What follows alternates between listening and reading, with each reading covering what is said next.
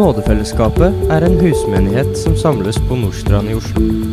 Vi håper at forkynnelsen du nå skal få høre, vil bevare og velsigne deg i Herren Jesus Kristus.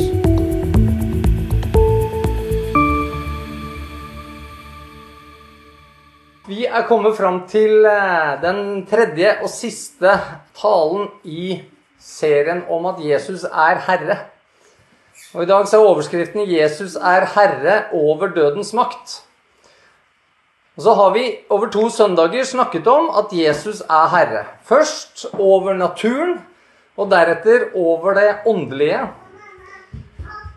Og det naturlige univers og den åndelige sfære, det utgjør alt det som Bibelen sier eksisterer. Absolutt alt. Det er enten det naturlige eller det åndelige. Og Jesus han sier det slik. Han sier, 'Meg er gitt all makt i himmel og på jord'. Og siden det er gitt til Jesus, så forstår vi det som Paulus også da skriver i 1. Korinterbrev 15, vers 27, hvor han skriver For alt er han, altså Kristus, lagt under hans føtter. Men når han sier at alt er underlagt ham, da er det klart at han som la alt under ham, er unntatt. Altså med andre ord, Det er Faderen som har gitt Kristus all makt i himmelen på jord. Men Jesus er altså ikke herre over Faderen, men har underordna seg Faderens vilje frivillig. Så skal vi i dag likevel snakke om en tredje ting som Jesus er herre over. Og jeg har jo allerede konkludert med at Jesus allerede er herre over alt som eksisterer. Og da blir jo selvfølgelig spørsmålet hva kan Jesus da være herre over som er mer enn det? Bibelen den sier at himmel og jord skal få gå. Men Bibelen har også profetert over Davids hus at hans kongedømme skal være et evig kongedømme. Hans etterkommer skal regjere på tronen for evig. Og Jeg vet ikke om du har tenkt over det, men om du var eneveldig konge, da, evig konge av alt og alle, men alt slutta å eksistere Altså, hvis himmel og jord ble fullstendig borte, hva var du egentlig da konge over? Ja, hvem var du konge over? Kanskje du begynner å forstå at her begynner vi å bevege oss inn i det vi vil kalle et eksistensielt landskap, med litt sånn fine ord. Et landskap som er fylt av veldig mange spørsmål. Og det er ikke så rart, for i dag så skal vi se at Jesus er blitt herre også over det som på en måte ikke eksisterer. Eller kanskje mer presist sagt som eksisterer i fraværet av Guds eksistens. Kan hende du må tygge litt på akkurat det. Petter Dass han skriver i salmen 'Herre Gud, ditt dyre navn og ære'. Jeg har alltid syntes det har vært litt ekkelt jeg, å si 'Herre Gud' der, fordi det føler at jeg banner på en måte. Men akkurat i denne sammenheng så er det altså fullt lov med, med fynn å si 'Herre Gud, ditt dyre navn og ære'. Men i den salmen så skriver altså Petter Dass noe som har med dagens tema å gjøre. Han skriver 'Gud er Gud om alle land lå øde'. Gud er Gud om alle mann var døde. Ja, om himmel og jord slutta å eksistere, så ville fortsatt Gud ha vært Gud. Men skapelsen og den korte tida som vi eksisterer, ville synes meningsløs. Ja, Spesielt sett i lys av den lidelse, den smerte, som vi erfarer underveis i vårt liv. Som alle erfarer. Og det ville også satt store spørsmålstegn rundt denne Guds natur og hans karakter. Så har du kanskje sunget sangen 'Deg være ære'. Og der fortsetter jo strofen med 'Herre over dødens makt'. Og da blir spørsmålet hva er dødens makt? Og hvor holder denne makten til? La oss lese da fra dagens tekst sammen fra Matteus 9, fra vers 2 til 8. Og se, de bar til ham en mann som var lam og lå på en båre. Da Jesus så deres tro, sa han til den lamme, Vær frimodig, sønn. Dine synder er deg forlatt. Og se, noen av de skriftlærde sa ved seg selv, Denne spotter Gud.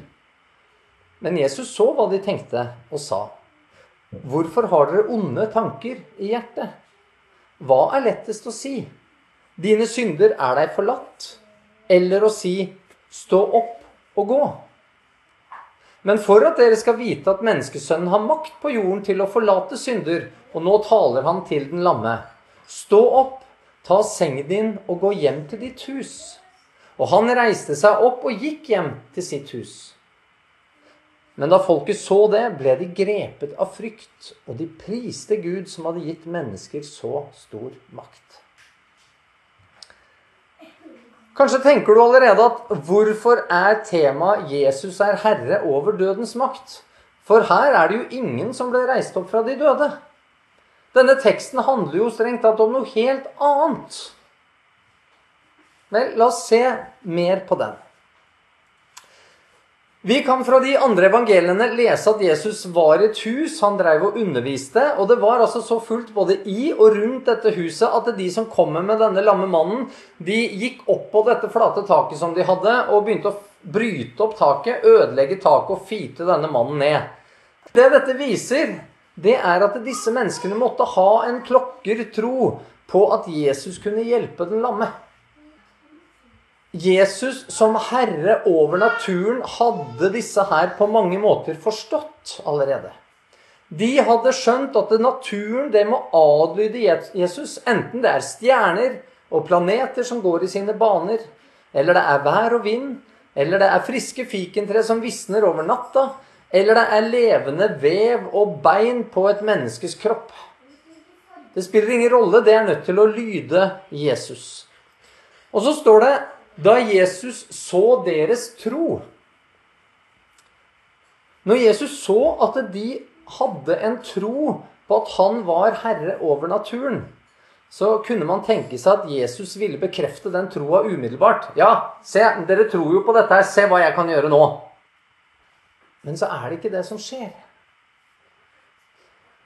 Fordi det Jesus ser her, det er en tro som gjør at han nå vil fortelle dem om noe som er mer viktig. En tro som fører til en videre åpenbaring.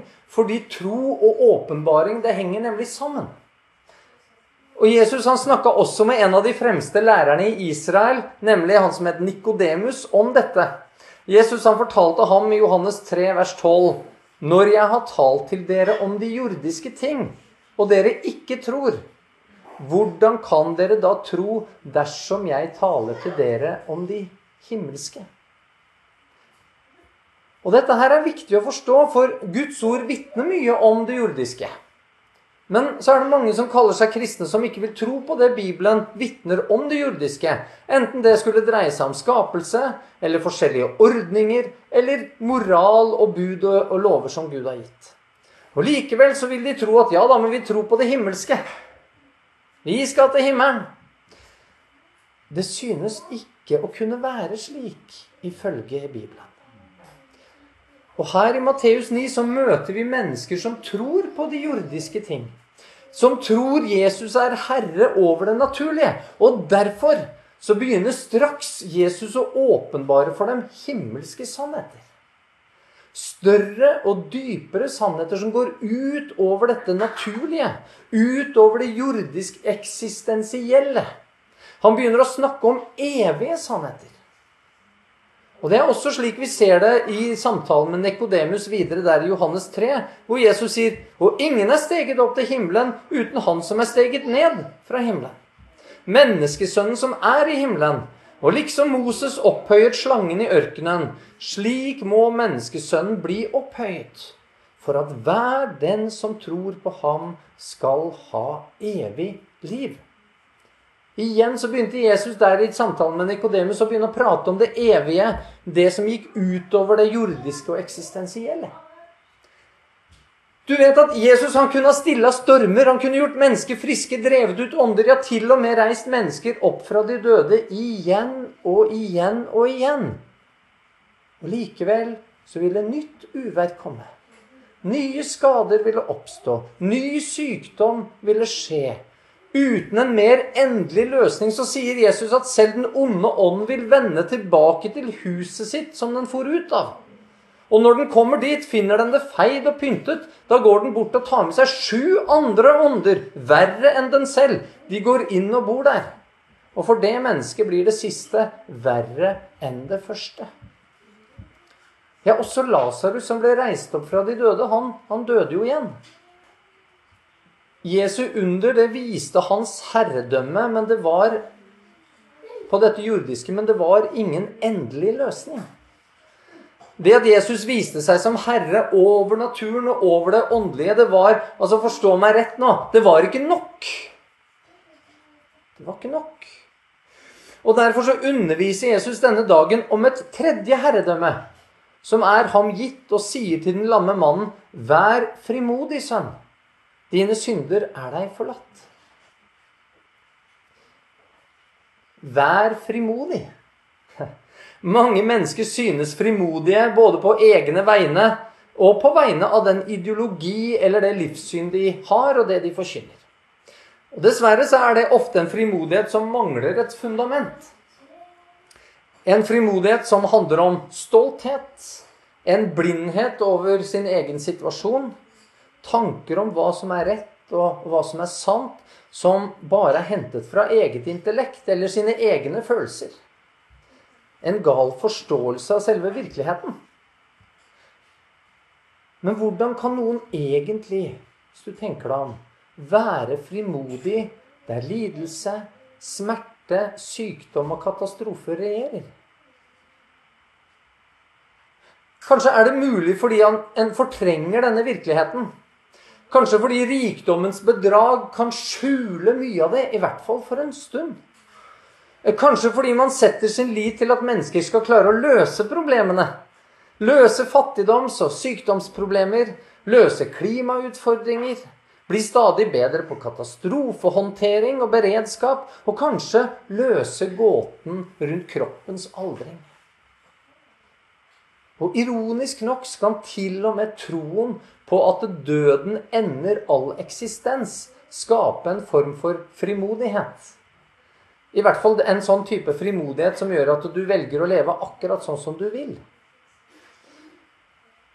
Samtidig med all denne frimodighet du kan se på forskjellige måter, så vitner frykten rundt oss nettopp for sykdom, katastrofer, klima og døden om at mennesket i en slik verden egentlig mangler grunnlaget for å kunne være frimodige. På ekte. Så jeg er veldig glad i ordet frimodig. Det er jo et sammensatt ord som vitner sterkt om grunnen for at man kan være modig. Man må først bli fri. Det eneste måten å oppleve sann frihet på, er som vi så på en søndag for en del uker siden. Det var å bli satt fri ifra nøden, dommen og døden. Og Jesu under den frigjorde folk midlertidig fra storm, besettelser, sykdom og død. Og i møte med slike var det Jesus gjerne sa. Han sa, 'Vær ikke redd'. Vær ikke redd. Men han sa ikke 'vær frimodig' fordi stormen går over. Eller fordi den døve fikk høre. Eller fordi den besatte ble løst. Eller for at døde sto opp igjen. Men her, i dagens tekst, så sier Jesus 'vær frimodig'. Og det er fordi Jesus i dagens tekst gjør noe som er større enn å stille stormer. Større enn å løse besatte. Større enn å helbrede sykdom. Han sier noe som kan gi mennesket sann frimodighet. Noe som setter mennesker i en frihet som ikke bare er midlertidig, men som varer evig. Menneskene som kom med den lamme, de trodde at Jesus er herre over naturen. Og det gjorde det mulig for dem å begynne å tro på det himmelske. Og på den himmelske sannhet som Jesus fortalte Nikodemus om. En, en tro som gjør virkelig fri. Som gir evig liv. Hva er det som kan skape en sann grunn for frimodighet? Jo, det er når Jesus sier 'Dine synder er deg forlatt'. Dine synder er deg forlatt. Men hvorfor kan da frimodighet skapes av dette? For jeg mener slike ord er isolert sett veldig enkle å si. Du og jeg kan si de, vi kan si de dag ut og dag inn. De, de utretter tilsynelatende ingenting. I hvert fall der og da. En kan ikke se noe resultat av de ordene som jeg kan ettergå sånn umiddelbart. Det, det, det er ikke noe spektakulært ved det, slik som med Jesus sine andre under.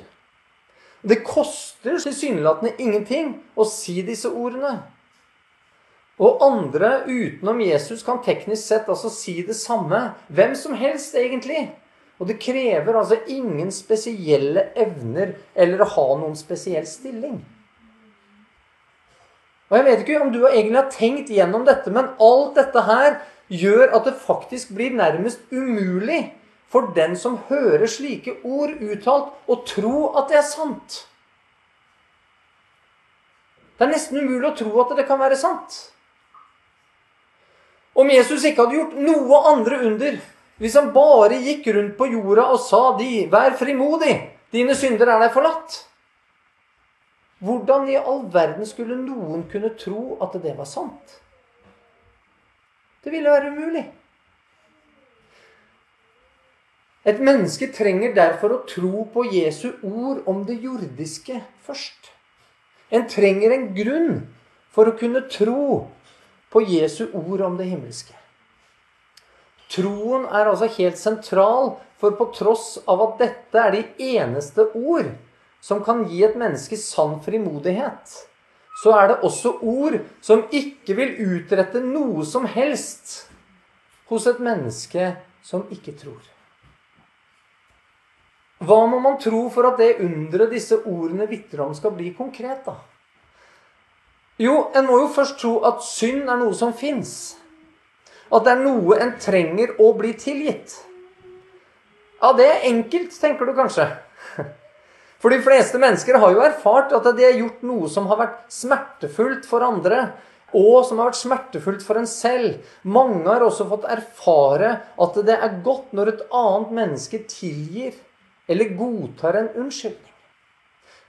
Holder man det på et slikt overfladisk nivå, så kan mange kanskje godta både at synd finnes, og at, at tilgivelse er i hvert fall en bra ting.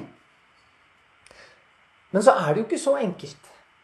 For alle vet at også der man virkelig har skada noen, så går jo ikke skaden over bare fordi man sier unnskyld. Den som mista all sin rikdom eller sin helse, får ikke det tilbake fordi du er lei deg for det du gjorde. Og selv om vedkommende tilgir, så hva er verdiene og helsen? De kommer ikke tilbake igjen for det. Om du drepte noen, så springer de ikke plutselig til live igjen om du ber de etterlatte om tilgivelse, ja, selv om du får tilgivelse. Så hvilken verdi har det da dypest sett å høre 'dine synder er deg forlatt'? Er ikke det bare billige ord som kan lette litt på den følelsesmessige skyld som en opplever, men som ikke egentlig kan gjenopprette skaden som allerede er skjedd? Altså, Hvordan kan altså slike ord gjøre noen virkelig frimodig? Og så vil jeg si at På et menneskelig nivå så er jo tilgivelse viktig. Det er med å skape gode familier, gode samfunn. Men samtidig så er altså betydningen av slike ord menneskelig sett begrensa. Så hva må man tro? Jo, på et dypere nivå så må man tro at det først og fremst er Gud man har syndet mot. Og da må man tro at det finnes en Gud. Det er jo forholdsvis logisk. Man må også tro at denne Gud har åpenbart sin vilje, sin karakter og sine bud. En må tro at å se bort fra denne åpenbaringen, bryte budene og tilsøle Guds karakter objektivt sett og alltid er galt. Eh, en må tro at det å bryte med Guds ordninger og lov er ondskap. For å kunne godta at det er ondskap, så må du tro noen ting til. Du må kunne tro at Gud er et fullkomment vesen. Med en fullkommen vilje og en fullkommen lov. Men selv ikke det holder. En må tro at denne guddommen ikke bare representerer noen verdier, men faktisk personifiserer sannhet, rettferdighet og kjærlighet. Ja, ikke bare er én personifisering av dette, men at disse verdiene er hans alfa og omega. Det er han som er begynnelsen og slutten til disse verdiene. Altså at disse verdiene ikke finnes uten ved han. Da begynner det å bli ganske eksklusivt, venner. Men det gjør også dette abstrakte til noe helt konkret. Til en objektiv sannhet. Noe som altså mennesker derfor både kan og må forholde seg til.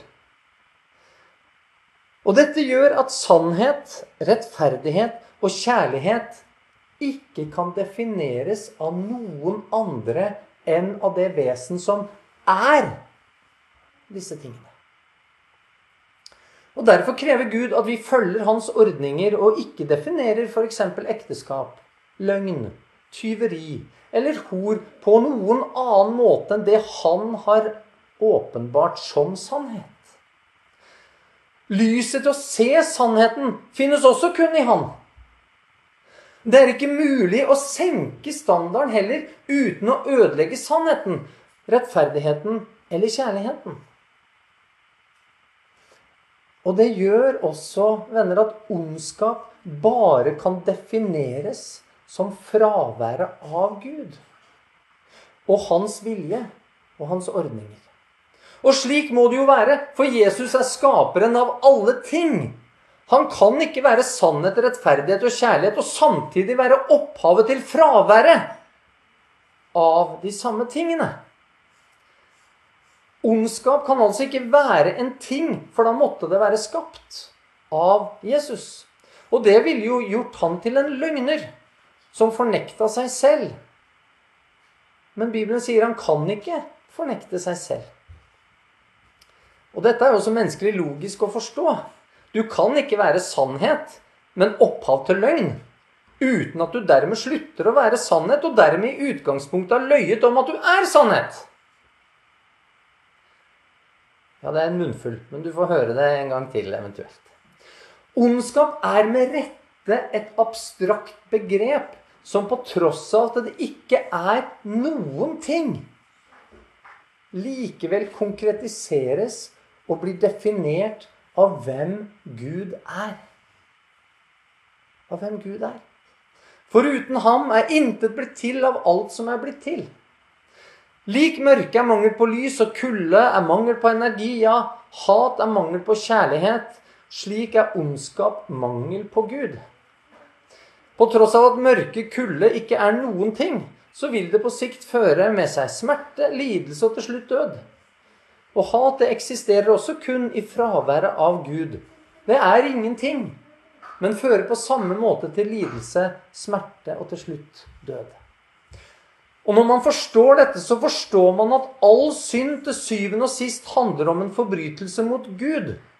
Altså den synd, også den synd da, som krenker mennesker, som er skapt i Guds bilde.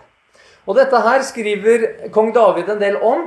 Han hadde jo både drevet hor og drept en mann for å dekke over det. Men så sier han da i Salme 51,6.: Mot deg, altså Gud, alene har jeg syndet. Det som er ondt i dine øyne, har jeg gjort? Og Følger man denne logiske tanken videre, så betyr det bare at tilgivelse kan derfor ytterst sett bare gis fra ham du har forbrutt deg imot. Hva da om Guds tilgivelse på samme måte som menneskers tilgivelse bare kunne lindre en følelsesmessig og psykologisk tilstand?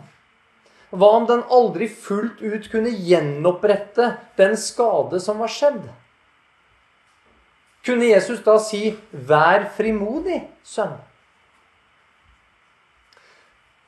Dersom tilgivelsen bare midlertidig kunne virke dempende på den smerte, lidelse og død som fraværet av Gud og hans vilje og ordninger medfører, men ikke løste syndens konsekvens, hva var da vitsen?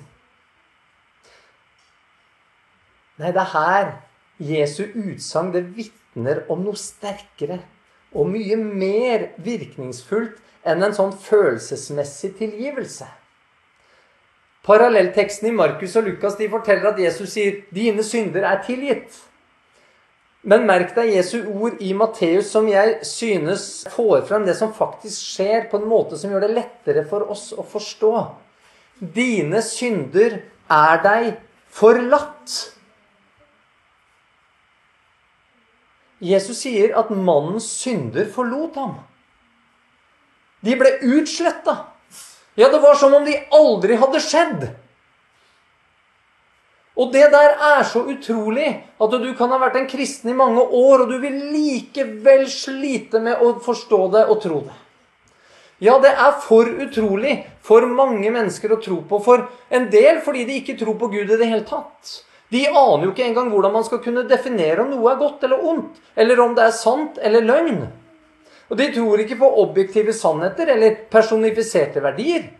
Om de i det hele tatt vil godta begrepet synd, så vil de se på konsekvensene av mannens synder. Ja, hva med de menneskene han hadde såra? Bedratt? Krenka? Med sine ord og sine gjerninger?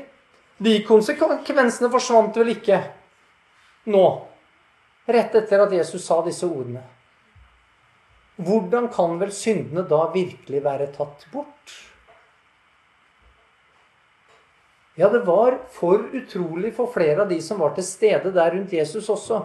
Flere av dem hevdet at Jesus nå spotta Gud. De trodde jo på Gud og trodde på tilgivelse av synder. Og de hadde også forstått at det kun var Gud som kunne tilgi. Men de hadde ikke forstått hvordan Gud kunne tilgi ennå. Jesus han skjønte hva de tenkte. Ja, han forsto alt det som vi nå har snakka om i forhold til tro og eksistensielle ting. Og han så alle spørsmålene som menneskene har rundt hvordan dette kan være mulig. Også dine. Og så oppsummerer Jesus det i kun én setning. Han tvinger deg og meg til å tenke. Og så spør han, hva er lettest å si? Dine synder er deg forlatt. Eller å si, stå opp og gå. Jesus visste at det å forlate synder ikke bare krever en tilgivelse på menneskelig vis. Nei, det er mye vanskeligere enn å si 'stå opp og gå'. For oss er det jo derimot mye lettere å se resultatet av en lam mann som begynner å gå, ved noen ord. Men det å si 'dine synder er deg forlatt', krever noe helt annet. For det krever en forandring av selve virkeligheten. Det krever en fullstendig transformasjon av alt. For vår virkelighet den er nemlig styrt av syndens lov. Den forteller oss at syndens lønn er døden. Fraværet av de verdier som er Gud, vil føre til død. Derfor så er det slik at i en verden preget av åndelig mørke, urettferdighet, løgn og hat, så dør vi alle sammen. Og for at Jesus skulle kunne si at denne lamme mannen skulle kunne være frimodig, så trengte han altså å kunne frigjøre mannen fra den loven. Fri han fra dødens makt, ikke bare midlertidig, slik som med Lasarus, men for evig. Han måtte kunne fri han fra alle konsekvensene av mannens synder. Og det kunne bare skje ved at hans synder ble helt borte. Ikke bare glemt. Ik ikke bare oversett. Ikke nedtona som ikke så alvorlig. Nei, Jesus han måtte utslette den virkelighet som synden skapte. Skjønner du at det er på mange måter noe som har blitt skapt, som Jesus ikke har skapt? Alle konsekvenser av synd må helt bort for at et menneske skal kunne bli satt i evig frihet og dermed kunne bli frimodig. Og denne nye virkelighet var det Jesus skapte når han selv ble gjort til synd i ditt og mitt sted. Han opplevde altså det totale fraværet av Gud. Den største smerte smerte som noe menneske noen gang har kjent på. Og så ropte han, 'Min Gud, min Gud, hvorfor har du forlatt meg?' Og der på korset så skjedde det en totalforandring av selve virkeligheten. Og Paulus han beskriver det slik i 1. Korinterbrev 2, 14. Han utslettet skyldbrevet mot oss, som var skrevet med bud. Det som gikk imot, oss imot, det tok han bort da han naglet det til korset. Jeg vet ikke om du har tenkt på det, men det var lett for Jesus å være herre over naturen. Det var lett for Jesus å være herre over det åndelige. For han var jo skaperen av alt det. Det krevde ingenting av han. Ikke noe kunnskap han ikke hadde.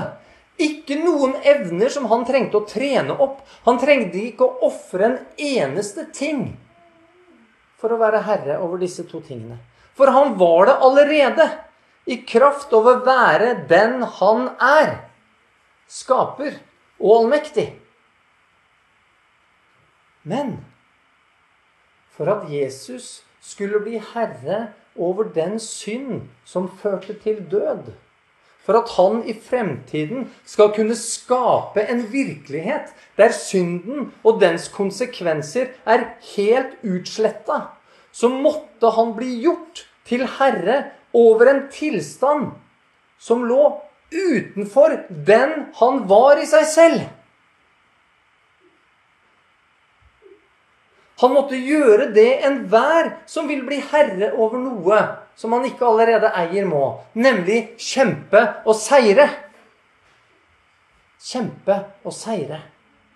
Og det gjorde Gud altså gjennom evangeliet. Gjennom å bli som et menneske. Gjennom å møte fristelsene, men å leve uten synd. Ved frivillig å ta på seg all verdens synd. Og deretter måtte han få syndens lønn. Han måtte sone den dom som Gud har gitt i sin lov for lovbrudd mot ham. Men fordi han var uten synd, så kunne altså ikke døden holde på ham.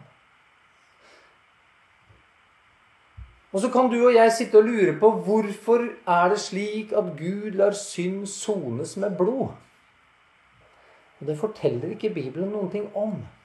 Det eneste vi vet, er at livet ligger i blodet, og at blodet derfor er hellig. Men gjennom Jesu blod så har altså en kristen frimodighet til å stige like inn for Guds trone. Og være i nærheten av alle de ting som Gud er. Sannhet, rettferdighet og kjærlighet. Og igjen kan også mennesker være i Guds nærhet. En kristen er frimodig fordi en tror at Jesu ord om at 'mine synder er meg forlatt', ikke bare er ord, men er en virkelighet som er mer spektakulær enn at lammet går. Det er mer permanent enn at syke blir helbreda. Det er mer viktig enn at døde står opp. Tror du på det?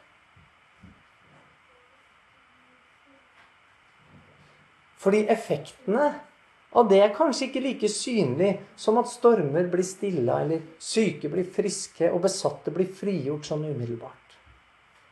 Men en kjenner det i hele sitt vesen. Friheten som en får lov til å eie i Kristus.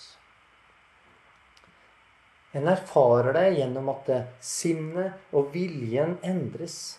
At sannhet, Kjærlighet og rettferdighet omformer en fra innsiden.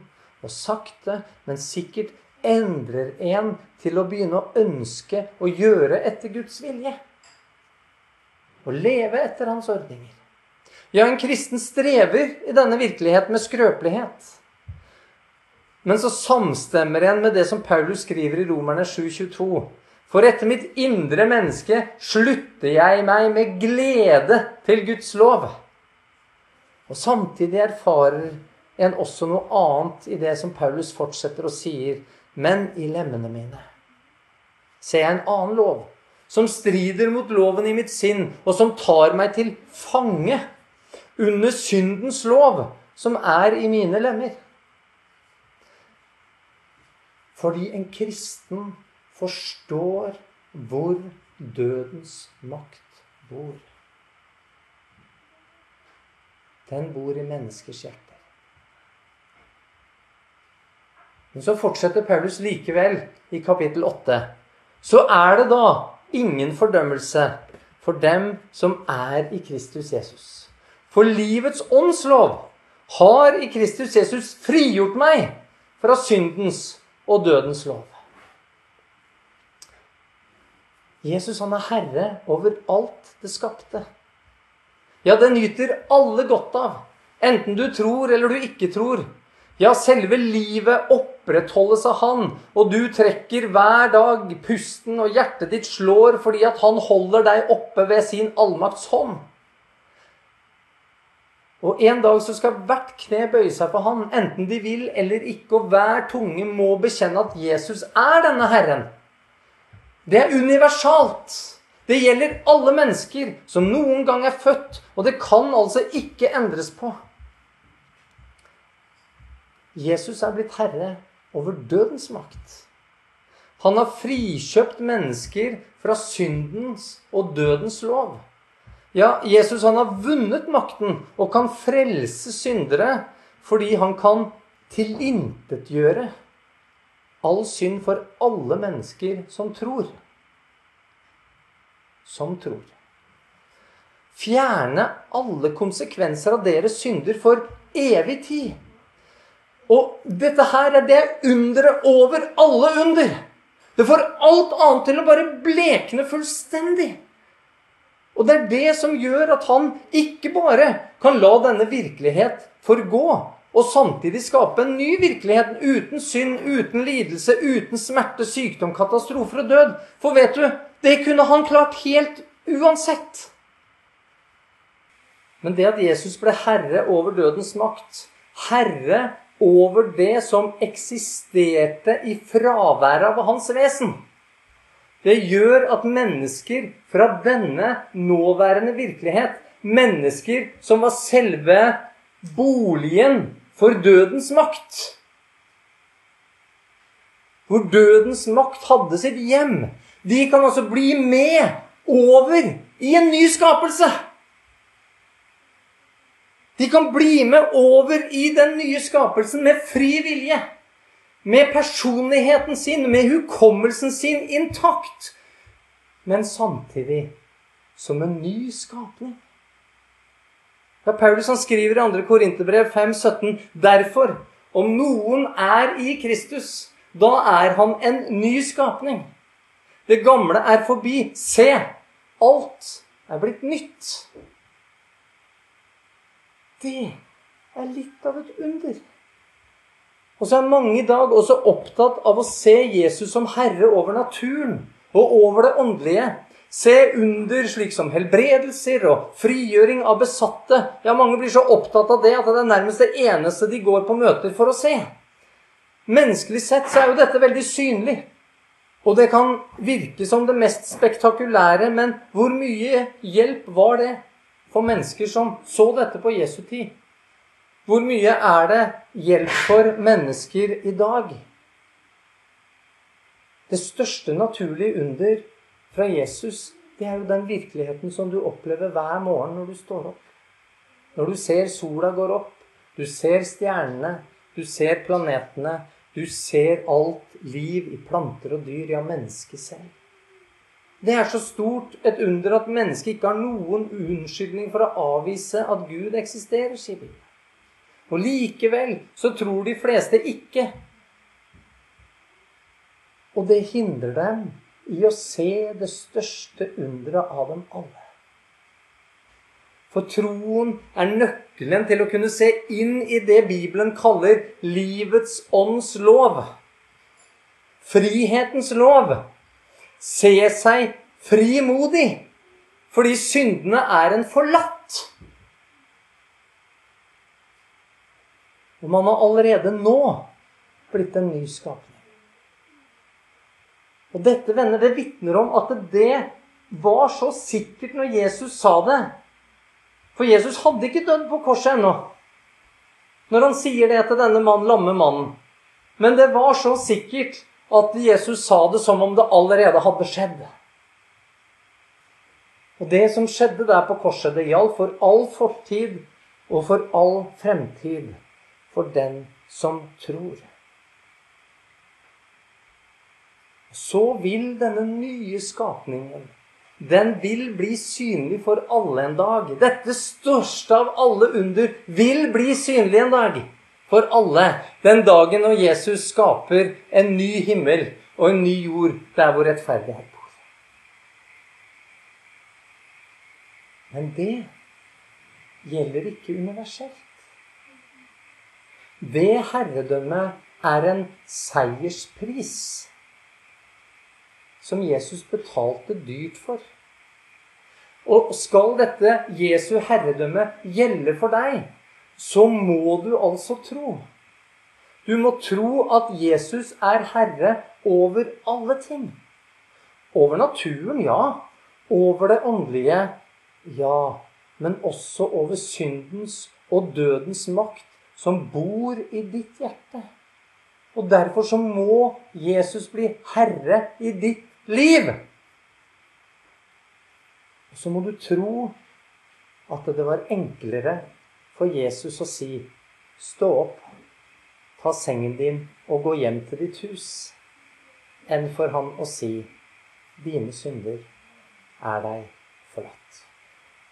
Kjære Herre, vi takker deg for ditt ord. Vi takker deg for den veldige seier som du vant. Vi takker deg, Herre, at du kunne møte mennesker og gi dem frimodighet. En sann frimodighet. Fordi, Herre, du har laga det slik at eh, du kan skape en ny virkelighet. Der syndene er forlatt. Der de er borte. Der alle konsekvensene av de er borte.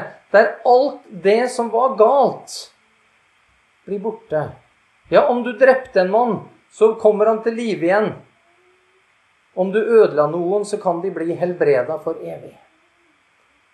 Herre, dette er det største av alle under. Herre, jeg ber deg, hjelp oss å se det. Igjen og igjen. Og holde blikket festa på det, slik at vi kan få lov til å oppleve det den dagen det blir synlig for alle. I Jesu navn. Amen.